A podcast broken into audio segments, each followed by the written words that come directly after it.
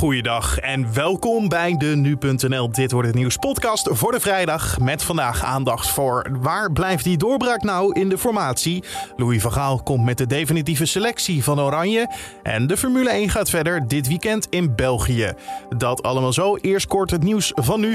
Mijn naam is Carne van der Brink en het is vandaag vrijdag 27 augustus. Ondanks de aanval op het vliegveld van Kabul gaat Amerika door met evacueren. Dat zei de Amerikaanse president Joe Biden gisteravond in een speech. Biden zei verder dat hij de daders van de aanslagen wil opjagen. If anyone who wishes America harm, know this. We will not forgive. We will not forget. We will hunt you down and make you pay. Bij de aanslag op het vliegveld zijn er tenminste 72 doden gevallen, waarvan 13 Amerikaanse troepen. Terreurorganisatie IS heeft de aanslagen via sociale media opgeëist. En de Amerikanen houden er rekening mee dat er de komende dagen meer aanslagen zullen komen. De huizenprijzen zijn in zowat alle landen in de wereld aan een forse stijging bezig sinds het begin van de coronacrisis. Dure huizen is dus niet echt puur een Nederlands probleem, maar in vergelijking met de buurlanden is ons land wel een koploper. Een koophuis kost in ons land nu gemiddeld 4 ton. Dat is een hoop meer dan in de omringende landen. België en Duitsers stellen gemiddeld iets meer dan 3 ton neer voor een woning. Als we kijken naar de EU, kent Hongarije de sterkste stijging in de huizenprijzen. Limburgers bij wie de kelder door het noodweer is ondergelopen, krijgen ook een schadevergoeding van 1000 euro. Dat meldt het Nationaal Rampenfonds. De voorwaarden voor de vergoeding sloot eerder mensen uit en dat was nooit de bedoeling. Daarom gaan ze dat nu verruimen. Via Giro 777 is zo'n 11 miljoen euro opgehaald voor de slachtoffers van de overstromingen in Limburg. Onder meer de eenmalige giften worden hiervan betaald, waarvoor mensen een aanvraag konden doen bij hun gemeente. En twee van de mannen die zijn opgepakt na het schietincident woensdagavond in Dordrecht Centrum zijn niet langer verdachten. Alleen de man uit Dordrecht is nog een verdachte. Hij en twee agenten raakten gewond tijdens het schietincident. Eén agent kon gisteren het ziekenhuis verlaten. De gewonden vielen toen de politie uitrukte na een melding van overlast. Enkele personen schopten tegen auto's aan en gooiden spullen tegen deuren. Wat precies de aanleiding was voor de schietpartij is nog onbekend. En AZ gaat niet naar de Europa League. De Alkmaarders wonnen gisteravond thuis met 2-1 van Celtic. Ja, maar dat was niet genoeg na het eerdere 2-0 verlies tegen de Schotten. De aanvoerder van AZ, Koopmeiners, zei tegen ESPN wat er allemaal fout ging. Uiteindelijk inderdaad is het heel algemeen gezegd dat je de, de, de grote kansen niet afmaakt en te makkelijk wel eens weggeeft. Aan de andere kant um, is een uur blijkbaar niet genoeg. Nou, blijkbaar is gewoon niet genoeg op dit niveau. Zo simpel is het. Helemaal voor een 2 lijkt niet. AZ gaat nu, net als Feyenoord en Vitesse, naar de Conference League. En dan lopen we even door de agenda van vandaag heen. En ja, niet echt een agendapunt voor vandaag, maar meer van deze week of de afgelopen tijd. Want de grote vraag, waar blijft nou die doorbraak in de formatie? Deze week was er toch hoop, vooral onder journalisten, dat er nieuws naar buiten zou komen en iets van een stap gemaakt zou worden. Toch blijft het relatief rustig als het gaat over de formatie. Collega Julien Dom belde erom gisteren met politiek verslaggever Priscilla Slomp over waar die doorbraak nou blijft. Kleine disclaimer, je kan wat geroezemoes horen op de achtergrond. Ze zat namelijk op een drukke locatie te schrijven voor nu.nl. Ja, dat vraagt iedereen zich inmiddels inderdaad af. Wij hier ook in Den Haag. We verwachten hem eigenlijk vorige week al, um, nou ja, deze week. En hij is er niet. Nee. Nee, en is dat één iemand zijn schuld? Is dat, uh, stellen wij de verkeerde vraag als journalisten? Uh, waar hangt het een beetje om? Ja, uh, nou ja, het hangt eigenlijk een beetje op hetzelfde waar het voor de formatiepauze van afgelopen zomer ook op hangt.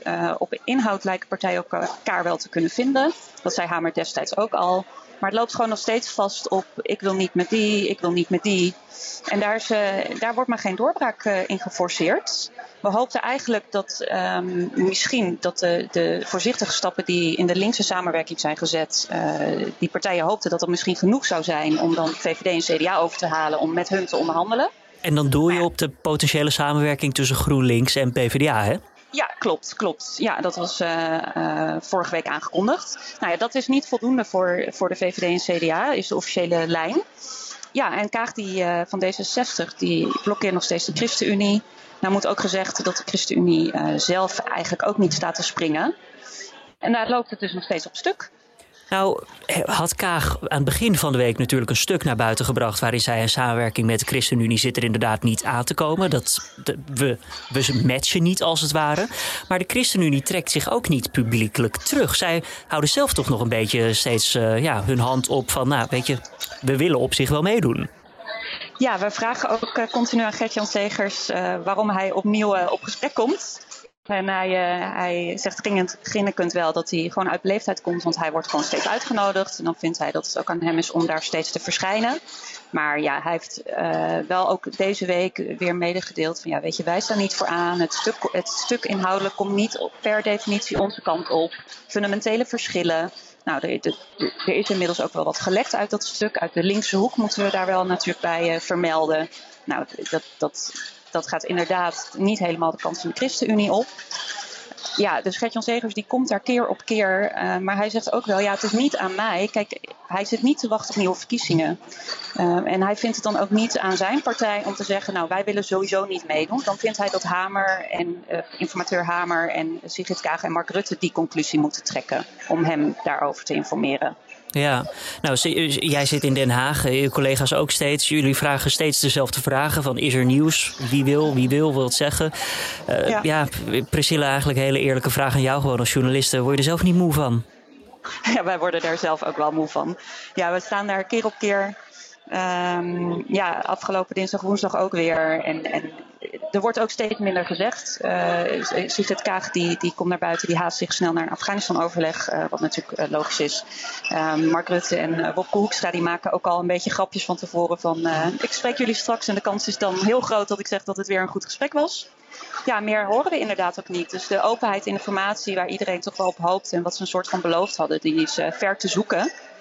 En we staan nog steeds op een vast punt. Maar zo'n grap van ik verwacht dat ik straks niets te zeggen heb behalve dat het een goed gesprek is, dan, ja, dan nemen ze zichzelf toch bijna niet meer serieus, lijkt het. Nee, daar lijkt het wel een beetje op. En uh, ondertussen roepen ze wel steeds er moet haast gemaakt worden. Maar ja, daar gelooft natuurlijk niemand meer in.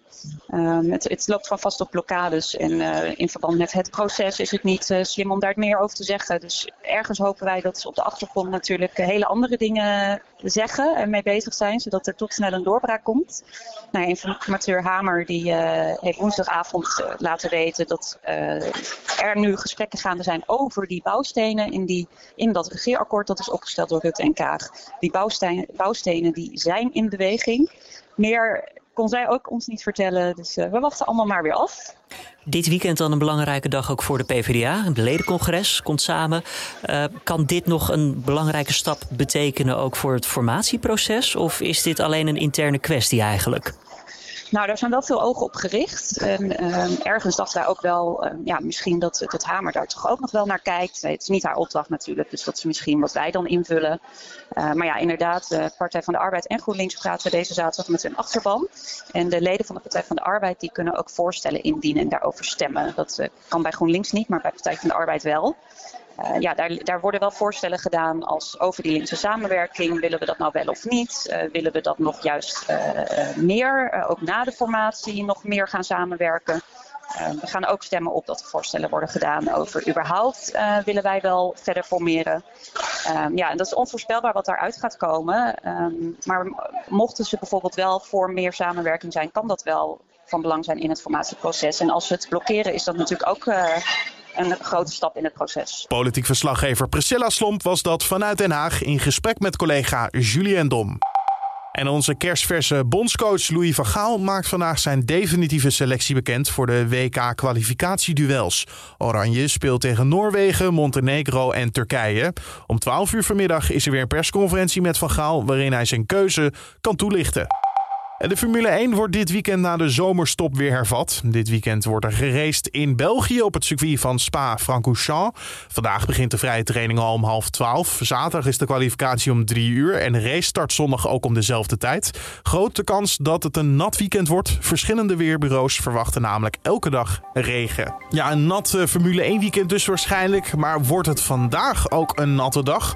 We vragen het aan Alfred Snoek van Weerplaza. Ook vandaag waait er een wind uit noord of noord noordwestelijke richting en daarmee wordt vrij koele lucht aangevoerd. De temperatuur ligt vanmorgen op zo'n 14 of 15 graden en bedraagt vanmiddag maximaal 18 tot lokaal 20 graden. Daarbij trekken ook flink wat wolkenvelden over het land. En met name in het binnenland kan eruit soms een buitje vallen, maar grote hoeveelheden neerslag verwachten we niet en het is veelal droog, zeker in het westen van het land.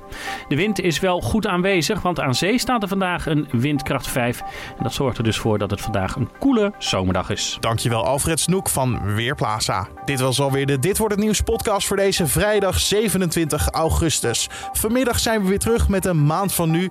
Dan eh, kan je weer even een, eh, ja, een blik werpen bij ons achter de schermen. Hoe hebben wij het nieuws gevolgd van deze maand? En hoe hebben wij daarop geanticipeerd? Ja, en hoe eh, doen wij dat allemaal? Ook omdat we nou, heel veel nog thuis werken of dat er toch een deel op de redactie werkt. Nou, alle dat soort dingen hoor je allemaal in de podcast vanmiddag.